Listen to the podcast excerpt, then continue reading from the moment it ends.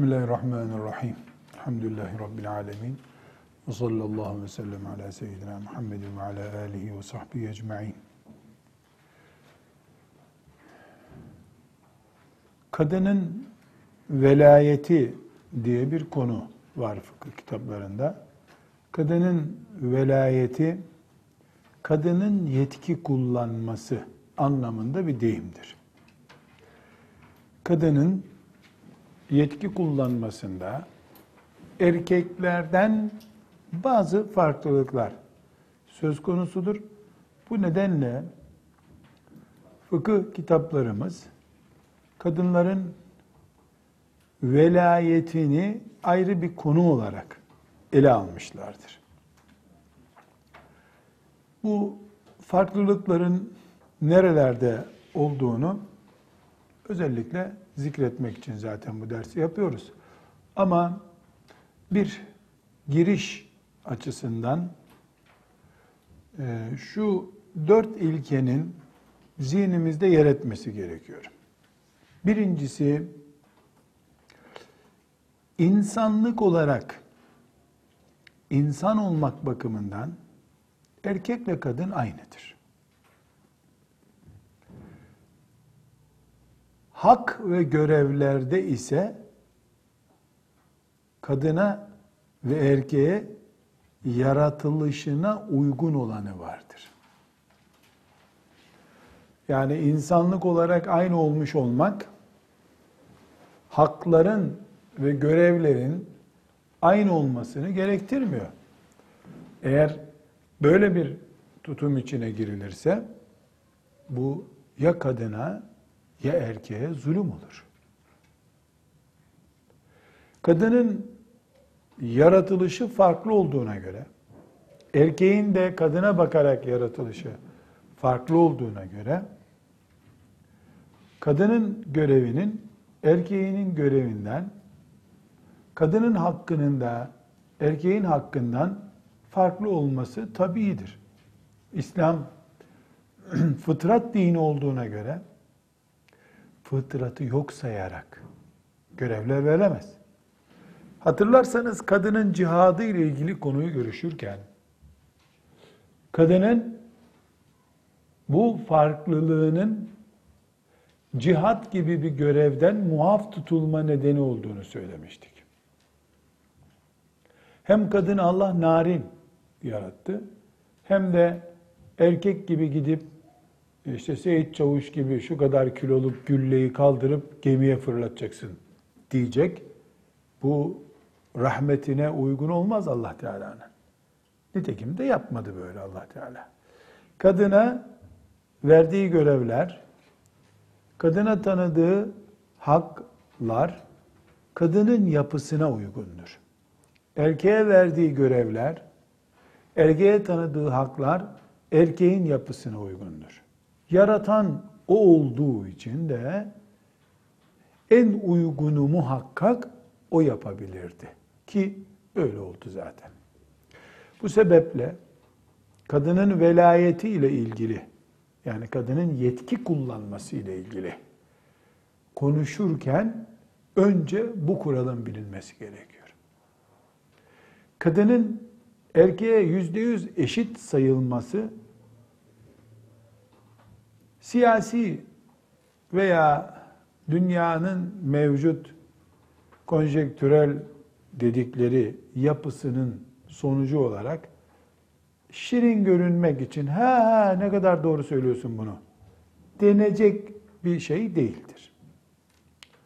Eğer kadına acıyorlarsa kadın meraklıları kadını rahat bıraksınlar. Kadını Allah'ın koyduğu yere koysunlar. Alıp dışarı götürenler kendileri fıtrata uygun olmayan tarzda yerleştirmek istedikleri yerde kadına sadece zulmederler ve zalim olurlar. Bu madde çok önemli. Dikkat ederseniz farklı pek çok derste kadını bu mantıkla görmeye çalıştık. Kadına mahsus ibadet farklılıkları, sadece kadına ait fıkıh kuralları derken de buna hep işaret etmiştik. Şimdi hanım kızlar e, edebiyat yapmak kolaydır. Gerçekleri yazmak zordur. Şimdi kadının aybaşı yapısı, lohusalık yapısı, doğurma yeteneği erkekte var mı? Yok. Erkekteki sakal kadında var mı? Yok. Bunlar kadınlarda da olsun, erkeklerde doğursun diye bir kampanya başlatılabilir mi? İnsanoğlu elindeki nimetlerle oynamamalı. Kadınlık bir nimettir. Erkeklik bir nimettir. Herkes Allah onu nere koyduysa koyduğu yerin kıymetini bilmeli. Bu işi abartanlar, kabartanlar kendilerine de zulmederler.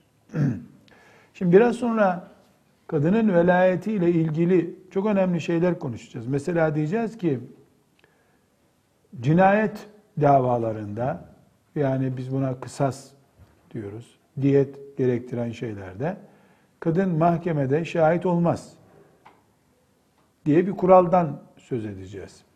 Yani tek başına gidip mahkemede idam kararı verilecek bir e, mahkemede kadın gidip ben gördüm ha bunu asın demez şeriatımıza göre. Şimdi bu birinci maddenin ayrıntısı olarak söylüyorum. Kadının bu yapısı yani kadınlık yapısı bir cinayet davasını ele almasına uygun bir yapı değildir. Şahitliğin duygusallık vesairesi bir kenara şahitlikten sonraki süreci kaldırması da zordur. Onun şahitliğiyle birisi kısas edilip öldürülse her gece rüyasında görür onu bir daha yaşayamaz ondan sonra. Kadın annedir çünkü. Anne olduğu gibi merhamettir. Kendi doğurduğuna da merhametlidir, başkasını doğurduğuna da merhametlidir. Bu yüzden şeriatımız her şeyi yerli yerinde kullandığı için halatla ipi farklı gördüğü için iple halat vazifesi yapmaz. Paket bağlamak için yapılmış bir ipi gemi bağlamak için kullanmaz hiçbir zaman. Bunu anlamayıp da insanlar ya bu kadınların ne eksikliği var filan vesaire diyebilirler. Herkesin dini herkese canım Allah Allah leküm dinüküm veliyedin ya. Bundan ötesi var mı? Bizim dinimiz böyle kardeş. Biz böyle iman ediyoruz. Sana da zorla iman et diyen var mı? E hem ben cennete de girmek istiyorum ama gavurların dediği de çok hoşuma gidiyor. O zaman gavurların girdiği cennete girersin. Girerlerse bir yere sen de oraya girersin. Denebilir insana maazallah. Demek ki kadının velayetiyle ilgili e, konuları konuşmadan önce bir numaralı madde kadın insanlıkta erkekle farklı değildir. Ama insan olarak görevleri farklıdır, hakları farklıdır. Neden? E kadının e, dediğimiz gibi erkekte olması mümkün olmayan özellikleri var. Nasıl erkekle aynı olacak? O zaman madem eşit olacağız, kadınlar da sakal bırakacaklar. Yok öyle bir şey. Bir kampanya da bizden. Sakalsız kadınlara ölüm. Denebilir mi? Gerçekçi olmak gerekiyor. Madem gerçekçi olmak istiyor, senin çizginde niye gerçekçi oluyoruz da Allah'ın çizgisinde gerçekçi olmuyoruz? E kadınların hoşuna gidiyor tabi e, şeytanın kışkırtmaları. Hoşuna gidenler de sokaklara dökülüyorlar. İstediği yere çıksınlar. Biz buyuz. Biz buyuz. Rabbimizin şeriatından memnunuz elhamdülillah. Az bile şeriatımız. Bize tam ne dediyse öyledir. İki, kadının velayetinin inceliklerini konuşacağız. İki, kadının kraliçeliği evindedir.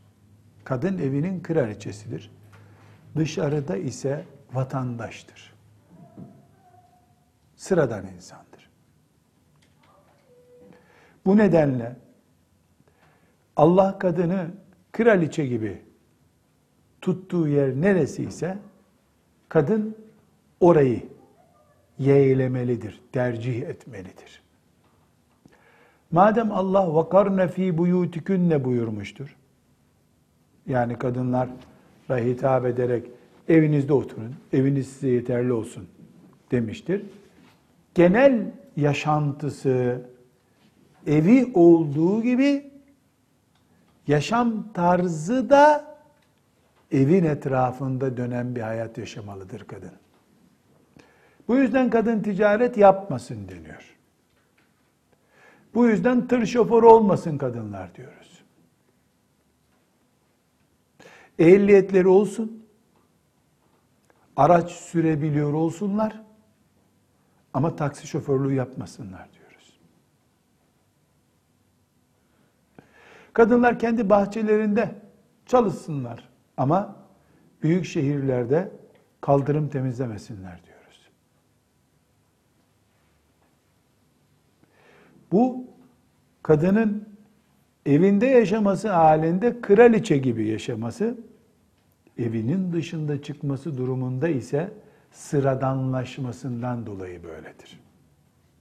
Kadını sıradan hale getirmek isteniyorsa şeriat gerçekten yanlış iş yapmıştır. Kadın eğer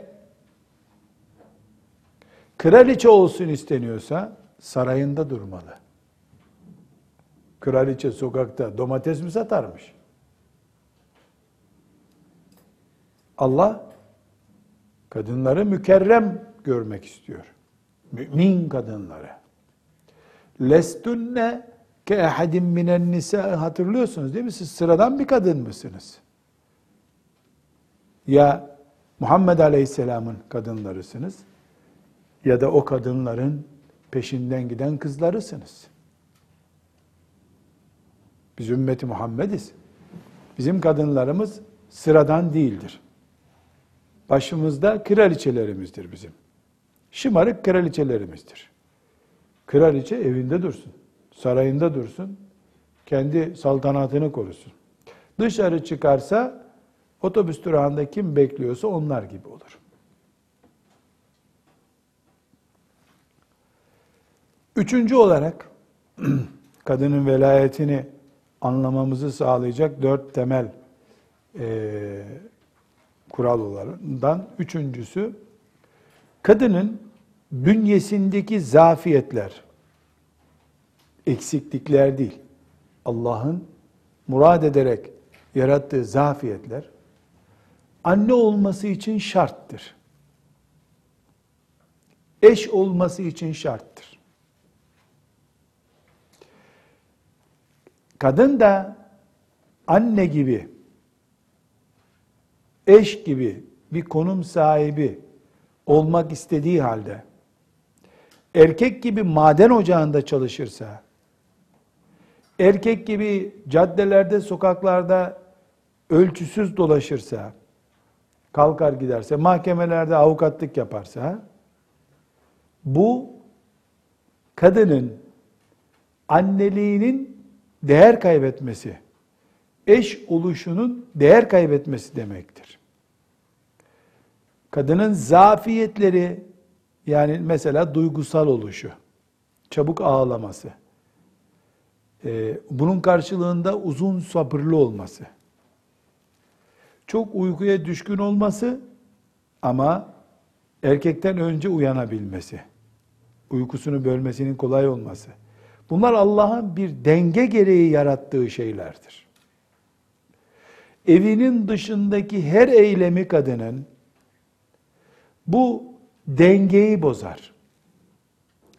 Bir, iki kadın bir şey değil ama genel olarak kadın bu kendi kraliçesi kraliçelik yaptığı alanın dışında bir yere taştığı zaman şu demek olur.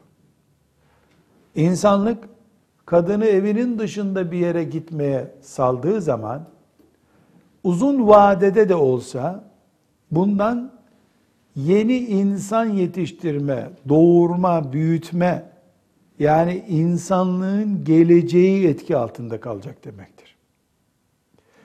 Kadını çalıştırıp para kazanır hale getirdiğiniz zaman, kadını erkek gibi piyasada yorduğunuz zaman, kadın sabırsızlaşır. Sabırsızlaşan kadın, doğum süreçlerinde yorulmak istemez. Eşinin kahrını çekmekte zorluk çeker. 60 sene 70 sene kabalık yapan, getirdiği ekmeği başa kakan bir erkeğin kahrını çekebilen kadınla yürüyen hayat başka, evliliğinin üçüncü gününde bu ne biçim takaya böyle şey hayrola ya biz aynı nikah dairesinde nikahlandık. Sen ne böyle bağırıp duruyorsun? Hop hop ne oluyor diyen kadın başka. Kadının sabırsızlığı yani zafiyetlerinin sonucu olan e, kimliğinin dışındaki bir kimliğe taşınmasının bedelini insanlık öder. Üç asırda mı öder? Dört asırda mı öder? Ayrı bir konu. Bunun en güzel örneği şu andaki Avrupa'dır. Avrupa'nın başının belası olan sorun nedir? Nüfusunun ihtiyarlamasıdır. Çünkü kadınlar doğurmuyorlar.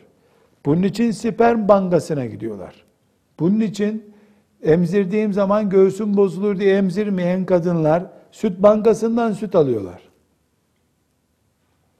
Neden? Çünkü kadın orada erkek gibi diyeceğim ama erkekten daha güçlü. Her yerde kadın kanunlarla korunuyor. Eşit, erkekle fotokopi gibi eşit. Ama otobüs durağında, otobüste, trende ayakta kaldığı zaman hanımefendi siz buyurun öncelik niye hani eşittik dün ne oldu? Hem eşitiz hem de sen niye daha çabuk yoruluyorsun? E ya kucağında bebek var. Bana ne? Eşitiz. Diyemiyorsun. E kadın e, zavallı deniyor. Ya değil de hani zavallı. Şeriat gerçekçidir. Yağcılık ihtiyacı yoktur. İslam şeriatı, dinimiz seçimlerde milletvekili sayısını artırmaya muhtaç değil ki kadın nüfusun oylarını alabilmek için yağ yaksın onlara. Femen şa'e fellü'min ve men şa'e fellekfur. Aman Allah'ım seçimi kazanmadı da büyük iş oldu. E isteyen iman eder, isteyen etmez. Femen şa'e fellü'min ve men şa'e fellekfur. Bu kadar basit. İman etmesen etme. İnna atedna lizzalimin. Ha, zalimler için hazırlanmış azap bekliyor. Hayatı gerçekleriyle kabul edip yaşadığımız zaman ortaya başka bir tablo çıkıyor. Masa başında tasarlanmış e, bir toplum mühendisliği gereği planlanmış bir hayatı yaşadığımız zaman başka şey ortaya çıkıyor. Üçüncü gerçek de bu. Dördüncü gerçek kadının velayeti ile ilgili. Yani kadının yetki kullanması ile ilgili. Dördüncü gerçek de şudur. İslam dinimiz kadın evden çıkmasın, iş yapmasın, para kazanmasın, camiye gitmesin, piknik yapmasın, yüzmesin, koşmasın, spor yapmasın, düğüne gitmesin, cenazeye katılmasın, elinde çocuğuyla, çantasıyla sahilde dolaşmasın demiyor. Böyle bir hüküm yok dinimizde. Bilakis erkekler ne yapıyorsa kadının da hakkıdır diyor. Ama diyor ki Dondurma yemek hakkındır. Elinde bekletip de eritirsen dondurmayı hep elin, yüzün, gözün berbat olur diyor. Eritmeden yiyeceksin diyor. Kadını sokağa çıkma, gezme, hacca gitme, akrabana gitme, annene gitme, düğüne gitme demiyor. Yap, ne yapacaksan yap, erimeden yap diyor. Dondurma gibi erime diyor. Erimeden yap. Bu kural şu demek oluyor. Sosyal hayatta kadına yasak olan şeyler kadının kadınlığını rencide eden şeylerdir. Bu rencide söz konusu değilse bir hangi bir yasak yoktur. Kadın da erkek gibi serbesttir. Ama buradaki bu dördüncü maddedeki kadınlığa zarar verip vermeme boyutunu şehirdeki beş tane kadına sorduğumuzda bir sonuç ortaya çıkar. Köylü beş tane kadına sorduğumuzda başka bir sonuç ortaya çıkar. Avrupa'da yaşayan bir kadına sorduğumuzda başka bir sonuç çıkar. Afrika'da yaşayan kadına sorduğumuzda başka sonuç çıkar. Afrika'daki bir kadın kocası bir daha evlensin diye teklif getirildiğinde çok iyi olur, çok iyi olur çocukların yarısı o tarafa gider diye rahat eder. Bu Asya'daki bir kadına kocan bir daha evlensin e, dendiğinde herhalde elindeki ilk demir neyse onu onu söyleyenin kafasına vurur herhalde. E aynı cins kadın bunlar ama yaşam tarzları, bulundukları coğrafyaları bu kararlarını etkiliyor. Çevre fonksiyonu ciddi bir şekilde devreye giriyor. Onun için kadının sosyal hayatta kadınlığının zarar görmeyeceği şekilde şunu bunu yapabilir sözümüzde bu zararın ne olduğunu şeriat belirler. İnsanlara kalırsa insanlar kendi ölümlerini bile istiyor olabilirler. 100 sene önce veya yüze gerek yok 50 sene önce genç veya ihtiyar bir kadının çıplaklık anlayışı ile şimdiki genç veya ihtiyar bir kadının çıplaklık anlayışı arasında ne kadar büyük fark olduğundan bunu anlayabiliriz. 50 sene önce kazara saçın biraz görülmesine çıplaklık deniyordu. Şimdiki nesil ise çıplak kelimesini burada tarif edilmeyecek başka şeyler için kullanır. Başının görünmesi çok normal. Çok muhafazakar kadın diyor. Muhafazakarlığı ne? Başı açık bunun ama muhafazakar kadın. İnsanların yaşadıkları zaman ve yaşadıkları çevre kararlarını etkiliyor. Biz Müslüman olarak kararlarımızı dinimizden esinlenerek alacağımızdan biz ne için e, hangi kararı vereceksek döneriz. Şeriatımız, dinimiz bize orada ne diyor, şu onu uygularız. Yapacak başka bir şeyimiz yoktur. Bu dört ilke ışığında kadının velayeti konusunu şimdi konuşabiliriz. Ne dedik? Velayet ne demek? İnsanın bir karar verip o kararı uygulama yetkisi demek. Bunu e, sizin çok iyi anlayacağınız bir örnekle izah edeyim. Velayeti kullanana veli deniyor. Çocuğun mesela 5 yaşında bir çocuğun devam ettiği okulda çocuğa sen şu dersi okumak istiyor musun diye sormuyorlar.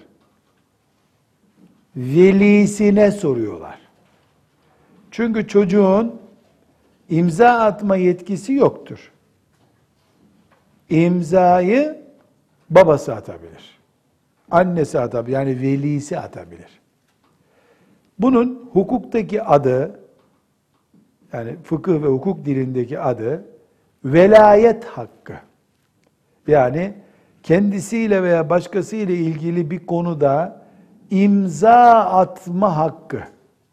Bu hak çocuğun kendisinde olmaz. Neden? Çünkü çocuk adı üstünde çocuktur. Doğru bir karar veremez. Doğru karar veremeyeceği için de velin imza atsın denir. Demek ki velayet neye deniyor? Bir konudaki karar verme yetkisine deniyor. İmza atma yetkisine deniyor. Bu velayet kişinin kendisiyle ilgili de olabilir. Kendisiyle ilgili bir karara da imza atıp atmaması söz konusu olabilir. Başkası ile ilgili karara da e, imza atma konusunda yetki olabilir. Yani bu konuda velayet benimdir demek. Yani söz hakkı seninle ilgili söz hakkı da bendedir demek. Yine size başka bir realiteden örnek vereyim. Şimdi anne baba ayrıldıklarında yani karı koca işte mahkemeyle boşandıklarında işte çocukları oluyor iki tane. Diyor ki mahkeme çocukların velayetini anneye devrettim diyor. Ne demek? Çocukların velayetini anneye devrettim. Yani bu çocukların yetiştirilip büyütülmesi, korunması ile ilgili e, bundan sonraki süreçte anne yetkilidir demektir. Babaya da 15 günde bir 2 saat görüşme hakkı tanıdım diyor. Babaya 15 günde bir 2 saat görüşme hakkı tanıdım diyor. 15 günden fazla görüştürtmüyor onu. Anne hangi okula gitmek, gö- göndermek istiyorsa çocuğu o okula götürüyor. Baba karışamıyor buna. Ama e, boşanmadan önce baba karışıyordu. Neden? Velayet hakkı baba ve annenin üzerinde ortaktı. Ayrılınca bir arada olamayacağı için karı koca olarak onlar diyor ki velayet hakkını anneye bıraktım diyor. Bu bugünkü uygulamalar olarak söylüyoruz. Bizim şeriatımızda üç aşağı beş yukarı buna benzer ama tam böyle değil. Sonra koca yani o çocuğun babası ama ayrılmışlar annesiyle mahkemeye müracaat ediyor. Diyor ki siz çocuklarımın annesine velayet hakkı verdiniz. Yani karar verme hakkını ona verdiniz. Fakat çocuklarım biz boşandıktan sonra işte 40 kiloydu büyük çocuğum, küçük çocuğum da 35 kiloydu. 10 kilo zayıflamışlar. Mahkemenin incelemesini istiyorum. Bu kadın çocuklarıma bakamıyor diyor. Mahkeme ciddiye alırsa bu şikayeti inceliyor. Bakıyor ki hakikaten çocuklar aç bırakılmış. Veyahut da mesela diyor ki çocuklarımı diyor terör örgütünün kolayca cirit attığı bir yerde yaşatıyor diyor. İşte gece kondu mahallesinde yaşatıyor. Şikayetçiyim diyor. İnceliyor mahkeme.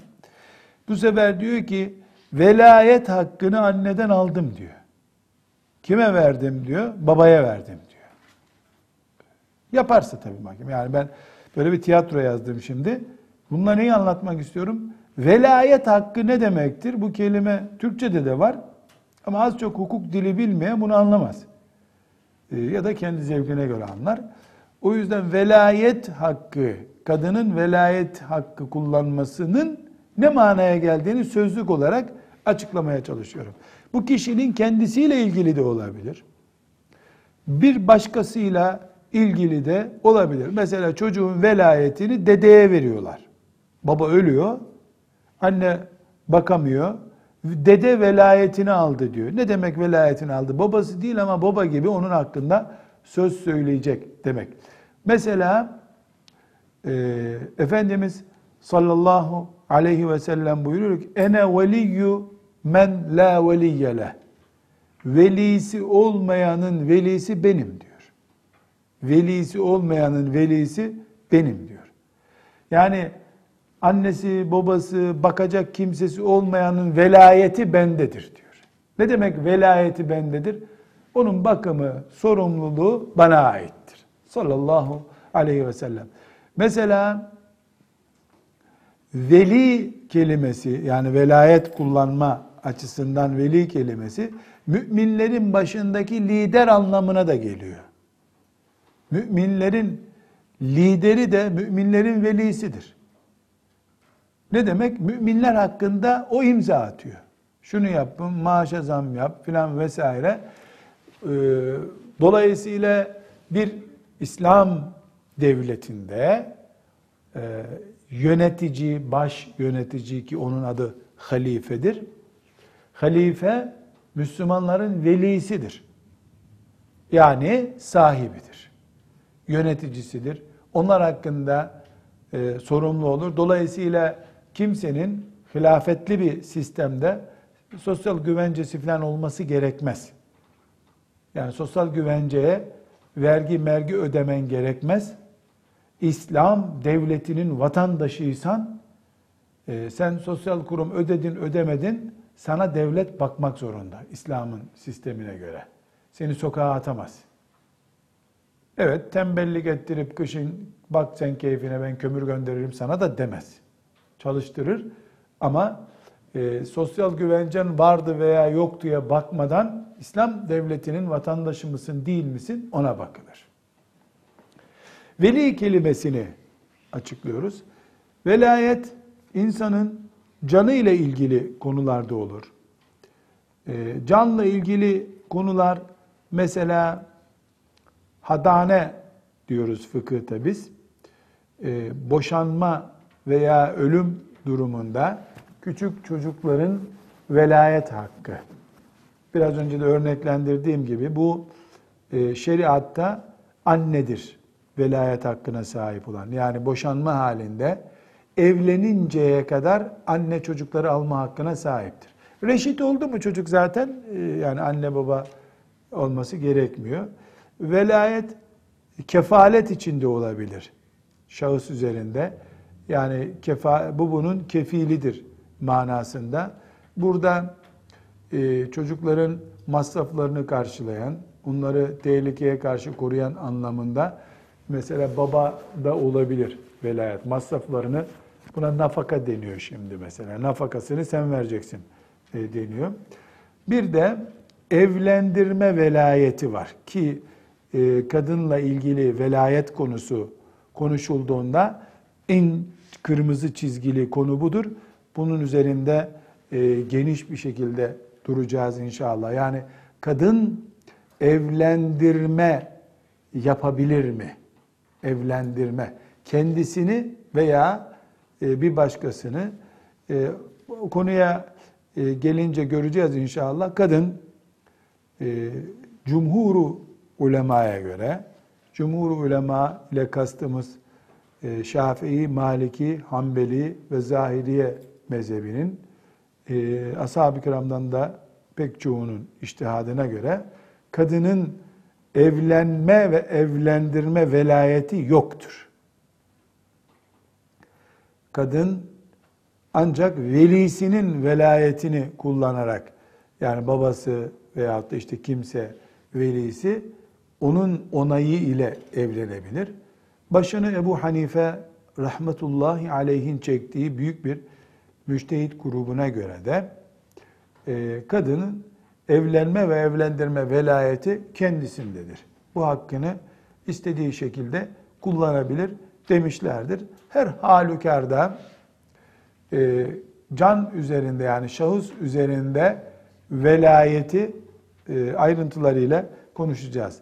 Aynı şekilde velayet mal üzerinde tasarruf hakkı şeklinde de anlaşılabilir. Mala tasarrufa da velayet denebilir. Bu mala tasarrufa velayet e, ne demektir? E, onu daha önce kadının hakları, mal hakları gibi derslerde işlemiştik. Yani kadın gerek kocasından ve gerekse babasından izin almadan e, elindeki kendisine ait, kendisinin olan malı istediği gibi kullanır. Bu konuda velayeti vardır. Yani delilik yaparsa babası elinden tutar, kocası olmaz yapamazsın der. Ayrı bir konu tabii yani deliliği kastetmiyoruz ama kadın mesela e, oğluna parasını verip git bununla benim adıma işte şunu al, şunu sat gibi bir talimat verir. Veyahut da mübah bir şekilde haram olmayacak bir şekilde kendisi ticaret yapabilir mi? Yapabilir. Kadının mal üzerindeki velayetinde fıkıh açısından bir sıkıntı yoktur. Evet. Şimdi tekrar e, konumuzu toparlamaya çalışıyorum. Kadının velayeti konusunu konuşuyoruz. Kadının velayeti fıkıh dilinde kadının gerek kendisi ve gerek başkaları üzerinde tasarruf yapması demek, imza atması, yetki kullanması demektir.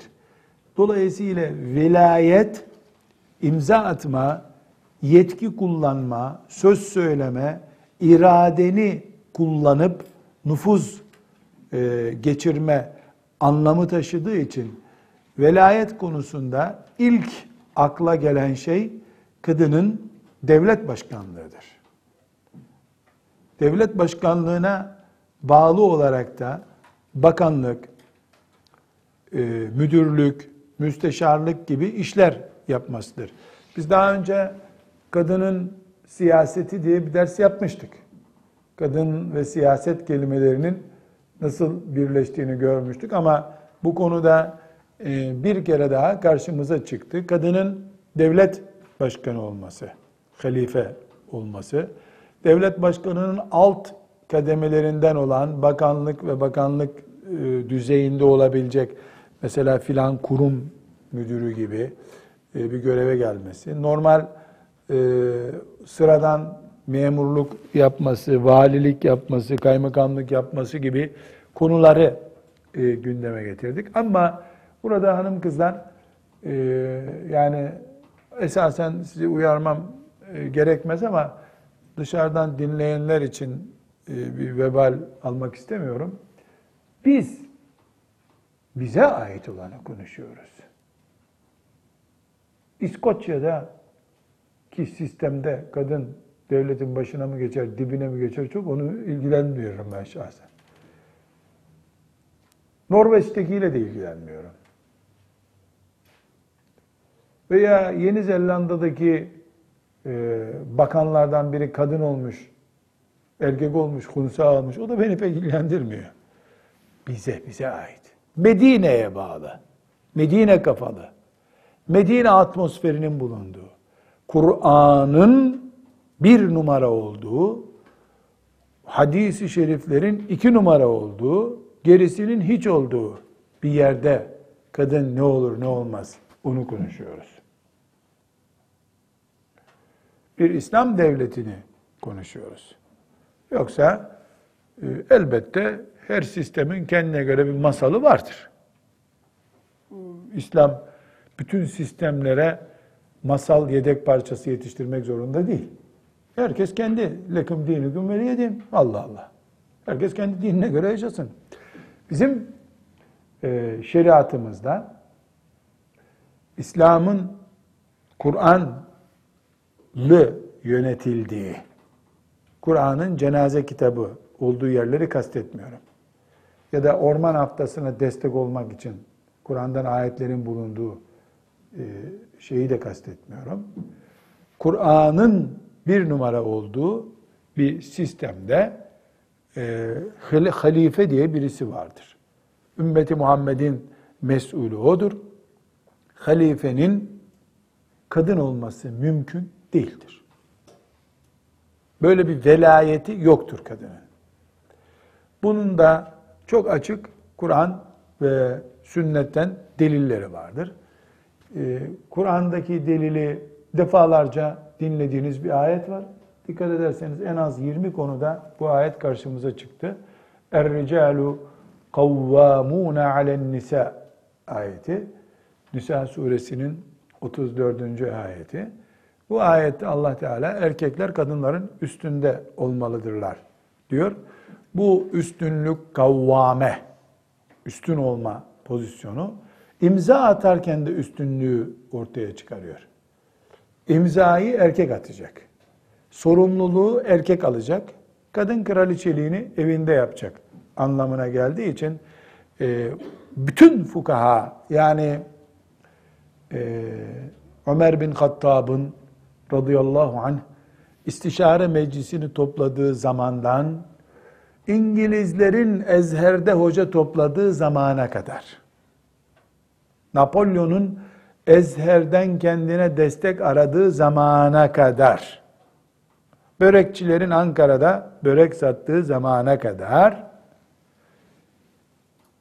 Müslümanların hiçbir alimi kadın ümmetin halifesi olabilir dememiştir.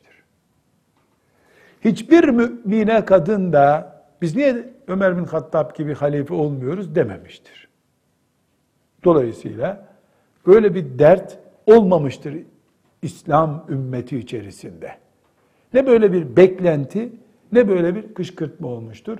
Ta ki Napolyon Mısır'ı işgal ettiğinde Ezher'i zulmünün payandası olarak kullanacağı politikalara tevessül edince şimdi bir kısmını Müslümanların fikir önderi olarak andığımız koca koca sarıklı diyeceğim de Ezherler öyle koca sarık kullanmazlar Osmanlılar gibi. O e, küçük küçük sarıklı adamlar küçük kafalı oldukları için Mason locasına bile kaydolmuşlardır bu yüzden. Mason localarına kaydolmuşlardır. Şimdi isim vermem biliyorsunuz bu tip işlerde. Ama pek çok e, düşünürün Allah bu müthiş ne güzel söylüyor diye tefsiri falan olan esasen de bir mason locasına kaydolduğunu gizlemeyen işte şey onlarla e, iyi ilişkiler içinde olursak işte İslam'a faydası olur. kafirden İslam'a post giydirecek. E, bir mantıkla bakan adamlar e, evirdi çevirdiler. E, 1250 senelik ittifakı bozmaya çalıştılar. Hiçbir şey olmadı. Ne bir başımıza kadın getirebildiler ne de kendileri kadınlık zilleti yaşayan bir insan olmaktan kurtulabildiler hayırla da anılmıyor. 3-4 tane fitneyi devam ettirmek isteyen şimdi onları büyük düşünür, mütefekkir olarak anıyorsa da inşallah melekler ve biz hayırla anmıyoruz. Allah mağfiret etsin. Keşke bu hatayı yapmasalardı diyoruz. Evet, e, ümmeti Muhammed'in başında kadın yöneticilik velayeti kullanamaz. Söylediğimiz söz budur. Bunun Kur'an'dan delili Nisa suresinin 34 ayeti celilesidir. Hadis-i şeriften de delili, e, hadis numarası da vereyim. Bukhari'de 4425. hadisi şerif, Tirmizi'de 2262. hadisi şerif, Nesai'de 5388. hadisi şerif. Len yufliha kavmun vellev emrahum imra'eten len yufliha kavmun vellev emrahum imra'eten len yufliha felah bulmaz demek. Kurtulamaz. Kavmun bir millet. Vellev vella yuvelli tevliyeten. Tevliye fiili yetkilendirme demek. Yani velayet kullandırma. وَلَّوْ emrahum işlerini yetkilendirmişler imraeten bir kadına. Yöneticiliğini bir kadına devreden kavim felah bulmaz. Hadisi şerif. Senet ve metin olarak yüzde yüz sahih bir hadis-i şeriftir bu. E açıkça kadının yönetici olmayacağının delili bu. Ama halife yönetici. Şimdi bu hadisi okuyanlar duruyorlar duruyorlar yahu diyorlar. E buyur yahu.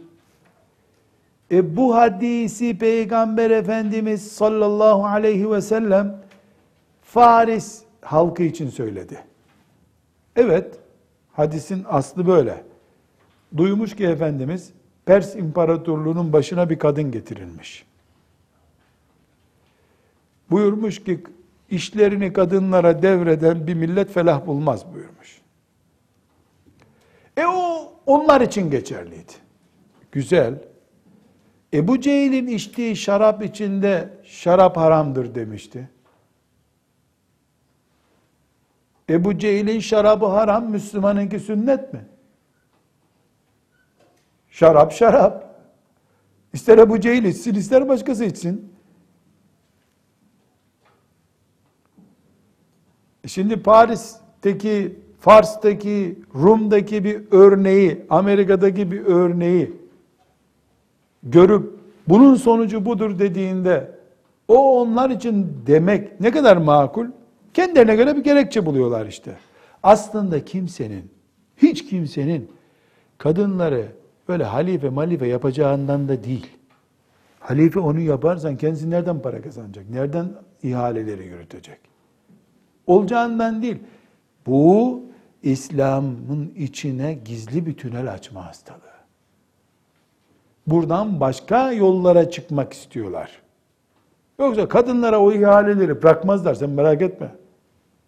Seçimde kullanırlar fotoğraflarını ondan sonra kendileri hep kazanır. Dünyanın hiçbir yerinde hiçbir parlamentoda kadınlar yüzde elli değildir. Hiçbir parlamentoda yani bu yüce demokrasiyi ve yüce kadın haklarını put gibi karşımıza çıkanların kendi salonlarında, parlamentolarında niye yüzde elli hatta eğer samimi iseler kadınları sevmekte, hürmette yüzde yetmişi en azından kadın olmalı parlament. Amerika'daki sanatonun yüzde kaçı kadın? Yüzde beşi. Paris'te yüzde kaçı? Yüzde üçü. Olsun yüzde beşi, yüzde yedisi, yani yüzde altmışı değil, yüzde ellisi değil, yüzde kırkı değil, yüzde otuzu değil. Lafa geldi mi kadın yüzde yüz erkekten kıymetli. İhalelerin takip edileceği yerlere gelince kadınlar yüzde bir. O yüzde bir de zaten şöhretli bir artisttir filan onu kaçırmamak için, oylarını kaçırmamak için. Samimiyet yok çünkü.